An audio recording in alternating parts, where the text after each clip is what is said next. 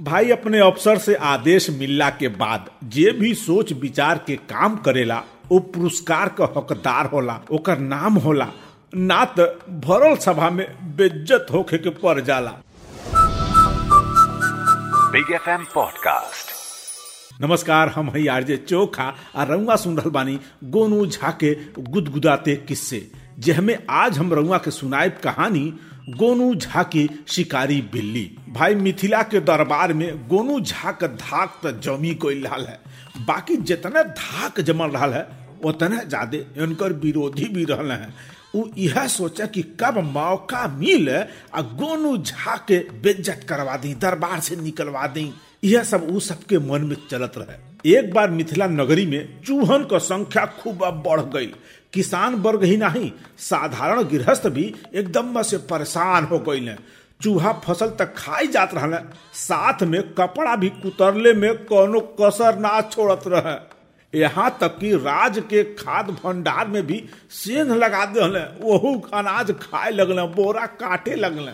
अब मिथिला नरेश के एह समस्या के बारे में पता चलल तो चिंतित हो गई आपातकालीन बैठक बुलैल सबके सामने अपन समस्या रखल और कहल कि यह समस्या का हल जल्दी जल्दी सभे जनी खोजा महाराज चूहा से तब बिल्ली ही लड़ सकेले। बिल्ली ही चूहन का दुश्मन है। और कहल जाला कि जहाँ बिल्ली होखेली, वहाँ दूर दूर तक चूहा होखबा ना करल गोपाल नाम का एगो दरबारी ई वाला सुझाव दिल और तो और महाराज, एक बिल्ली हज़ार चूहा पर भारी पड़े ले गोपाल के बात सुन के महाराज कहले, तहार सुझाव तो बढ़िया बा।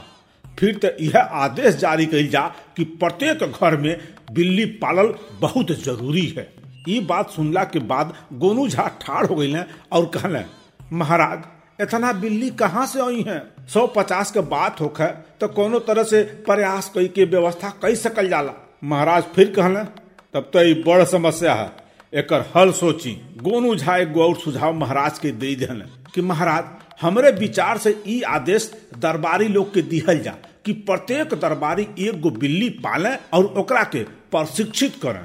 ओकरे बाद बिल्ली के अपना इलाका में छोड़ दे, तब चूहा पर लगाम लग सकेला महाराज। सिर्फ़ और सिर्फ़ प्रशिक्षण प्राप्त बिल्ली ही हमने के अभियान के सफल बना सकेले। साधारण बिल्ली के बस के बात ना है कहा कि वो खाई पी आ टन मार के सो जाए गोनू झा के बात सुनला के बाद महाराज बोल पड़ने एकदम सही बात कह रहा बड़ा गोनू झा, ठीक है। सब दरबारी के हमरा ओर से ये आदेश बा कि वो एक एक बिल्ली पालें और ओकरा के निरंतर शिकार खातिर प्रशिक्षित करें। वो में से एक दरबारी बोल पड़ले, लेकिन महाराज ऐसा बिल्ली पल्ले में खर्चा भी तय आई?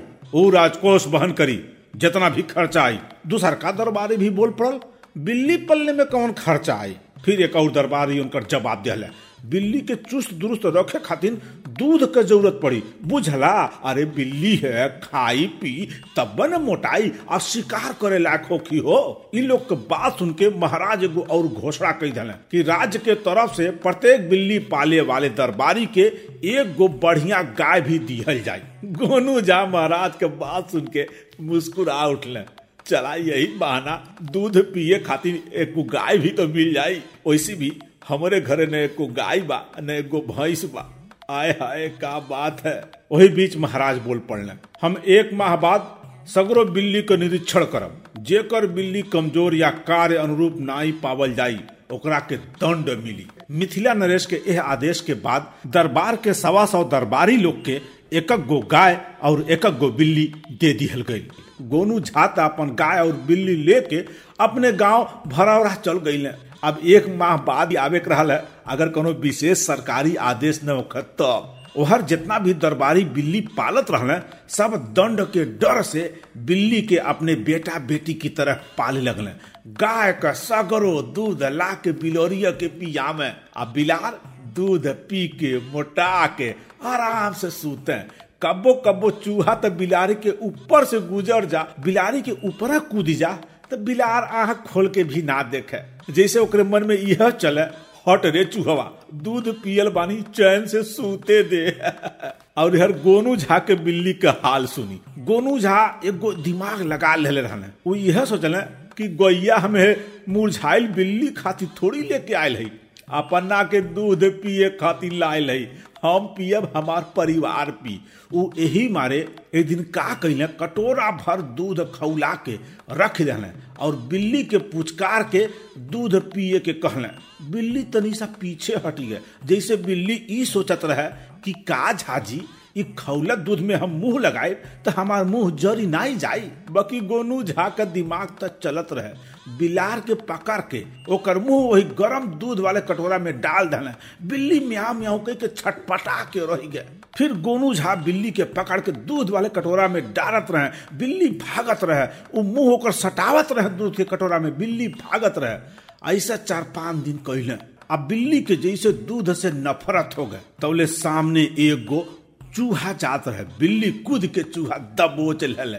आ चरर चरर चबाए लगल, गोनू झा मुस्कुरैल, कहला, भाई दिमाग चल रहा चाल कामयाब हो गए। और ए तरीके से बिल्ली के प्रशिक्षण उ शुरू कर दहने। गोनू झा चार पाँच दिन तक यही तरीके से प्रशिक्षित बिल्ली के करत रहने। अब वो बिल्ली दूध के तरफ़ मुँह फेर के बिना देखे आ चूहा के देखता टूट पड़े आ तनिका भर में चर चर चबा के किनारे हो जा। यही तरीके से एक महीना बीत गई गोनू झा के बिल्ली बहुत दुबली पतली रहल है, पर चूहा देखते ऐसा छलांग मारे कि लोग देखत रही जा फिर राजा साहब का दरबार लोगल। सब आपन आपन बिल्ली लेके दरबार में उपस्थित भइल। गोनू झा भी आपन बिल्ली लेके वहाँ उपस्थित भइले। अब गोनू झा के बिल्ली के देखते सब केहू आश्चर्य से ताके लगल कि हई देखा, ई बिल्ली तो एकदम मरल ही हो गई इतना दुब्बर पातर बिल्ली, बुझा रहा बा कि कोनो बीमारी एकरा क्यों भइल बा? विरोधी दल तो मन मन खूब हर्षित भइल, और आपस में नज़र मिला के मुस्कुरा भी लगल, आ धीरे धीरे बतियावे भी लगल कि आज गोनू झावा के सजा तो पक्का हो जाए। कांच की हमन के बिल्ली देखा, मोट ताज़ा, और एकर बिल्ली एकदम से मरियल। वही वक्त राजा साहब दरबार में आ गई सब केहू खड़ा भइल झुक के राजा साहब के प्रणाम कैले राजा साहब अपने स्थान पर बैठल अब बैठते उनकर दृष्टि जवन है, गोनू झा के गोद में मचल रहल, बिल्ली पर पड़ल, तुरंत बोल पड़ल, अरे पंडित जी लागता कि रउमा के बिल्ली के कोनो बीमारी हो गई बा। या तो जौन बिल्ली के दूध पिए खातिर गाय रउआ के दियाई लाल है, सारा दूध रउआ पी गईली यह तो बुझा रहा बा। कहा कि सबकर बिल्ली भारी भरकम दिख रहा बाणी। ऐसा बुझा रहा बाणी कि जैसे बाघ का बच्चा होके और राउर बिल्ली एकदम से मरियल। गोनू झा खड़ा भइले अब बड़े अदब से बोलने महाराज ये बीमारी ना है। बस बिल्ली जौन बा शिकारी वंश का है। अब वही में एक दरबारी गोपाल ठाड़ हो गई कहा की अवसर खोजते रहना कुछ बोलला के। कहला, महाराज, गोनू झा खाली बहाना मार रहा बाणे रउआ के कृपा के अनुचित लाभ पैला के प्रयास कैले हैं। हमरा तो बुझा रहा बा कि बेजुबान बिल्ली के एक बूंद दूध भी ना पियले हैं, सारा दूध खुद पी गई कहा कि सबकर बिल्ली देखी? कैसन मोट झोट लग रहा बाणी बाघ के नियर। और इनकर बिल्ली एकदम मरियल सांस लेहला में ओकरा के परेशानी हो रहा बा। बेचारी हाफा थापत जीभ बाहर फेंक दे रहा बिया। महाराज कहला गोनू झा हमरा के तोहरा से ऐसा आशा ना रहा तू हमरा आदेश के उल्लंघन कैला है। जब हम बिल्ली के पिए खातिर दूध के व्यवस्था कैले रही त गाय के दूध अपने ही कहा पी गिला बिल्ली के कहा ना पियला? गोनू झा फिर अदब से कहना महाराज, हमार बिल्ली दूध पियबे ना करेले। सगरो दरबारी यह बात पर ठहाका मार के हंसे लगने उनके समझ में इस संसार का सबसे बड़ चुटकिला रहा कि कोनो बिल्ली दूध न पियत होके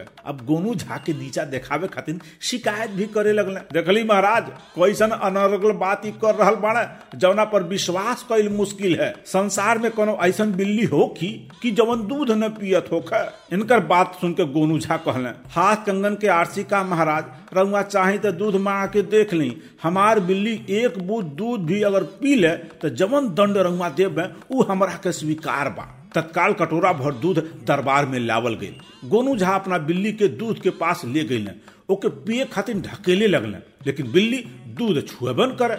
और भी दरबारी अल बहुत कोशिश कैले कि बिल्ली कैसो दूध पी ले, लेकिन बिल्ली तो पीछे भाग जा। जैसे दूध का कटोरा ना, ओकरा सामने कोनो खुंखार जंगली कुत्ता ठाड़ बा। सगरो दरबारी आश्चर्यचकित रहने कि कैसन गोरख धंधा गोनू झा अपनैले बाड़ मगर गोनू झा मुस्कुरा के प्रेम से राजा साहब से कहना देखली महाराज, हमार बिल्ली दूध तो एकदम ना पिए ले। महाराज कहना बड़ा आश्चर्य का बात है पंडित जी, कि तोहार बिल्ली दूध ना पी रहल बिया। महाराज बिल्ली के कुछ प्रजाति सिर्फ़ मांसाहारी होखेली शिकार कैल ही उनका के पसंद है। अब रउआ सोची कि घने जंगल में जौन बिल्ली रहेली उ सब के दूध कहाँ से मिले? उ सब तो सिर्फ़ चूहा पर निर्भर रहेली न। ओही के खाली, पलेली, बढ़ेली। ई बिल्ली वही प्रजात का है। महाराज उनके बात के स्वीकार कैले ई बात तो खैर हम जानीला। काहे से कि हमनी के मूल समस्या तय राज में बढ़त चूहा के खत्म कैला का है। मौका देख के गोनू झा बोल पड़ले कि महाराज, हमारा बिल्ली के एक अवगुण सबके हमारा नियत पर संदेह करा दहले।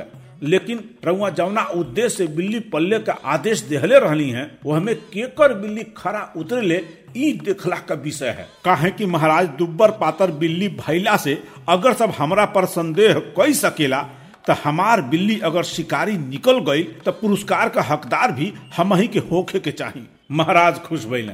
कहना ठीक बा, हम रउआ मंतव्य समझ गई गोनू झा। कल शाही मैदान में इस बिल्ली के प्रशिक्षण होकी सैनिक लोग, आज पिजरा में जितना ज़्यादा चूहा पकड़ सका, तब पकड़ ला। कल शाही मैदान में ओकरा के लेके पहुँचा। कहा कि जौन बिल्ली चूहा पकड़ले में, शिकार कैला में अच्छा प्रदर्शन करी, ओकरा के हम पुरस्कार देवे महाराज के ए आदेश के बाद से सब दरबारी सोच में पड़ गई आज तक उनकर बिल्ली तो चूहा का बच्चा भी शिकार ना कैले रहा तो वहाँ बड़ बड़ चूहा कैसे करी? खैर, सवेरा भइल, सब आपन आपन बिल्ली लेके शाही मैदान में पहुँच गई। फिर मिथिला नरेश महाराज के आगमन भइल और उनके आदेश पर चूहन के पिजड़ा से खोल दिया गई चूहा मैदान में दौड़े लगल सब अपन अपन बिल्ली छोड़ दिले आ जितना बिल्ली चीता के तरह मोट छोट दिखत रहली है वो वाली बिल्ली चूहा के ओर निहरबो ना करे आराम से निकलता अंगड़ाई लेके वहाँ लेट गईली कोनो कोनो बिल्ली के ऊपर से तो चूहा कूदत चल जा, तब वो बिल्ली उनका तरफ़ देखबो न कर लेकिन गोनू झा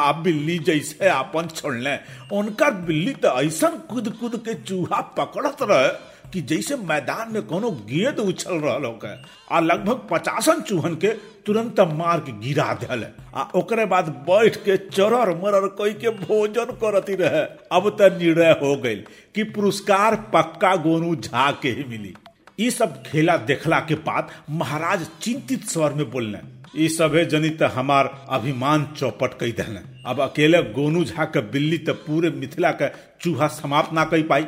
यही बात पर गोनू झा महाराज के एगो सुझाव दे दिले महाराज, अगर सब बिल्ली के दूध पियावल बंद हो जा तो चारा दिन में ये ऐसा खूंखार शिकारी बिल्ली हो है कि चूहा देखता टूट पड़ी है, ओकरा के खाए लगी है। महाराज के गोनू झा के सुझाव एकदम में पसंद आ गई।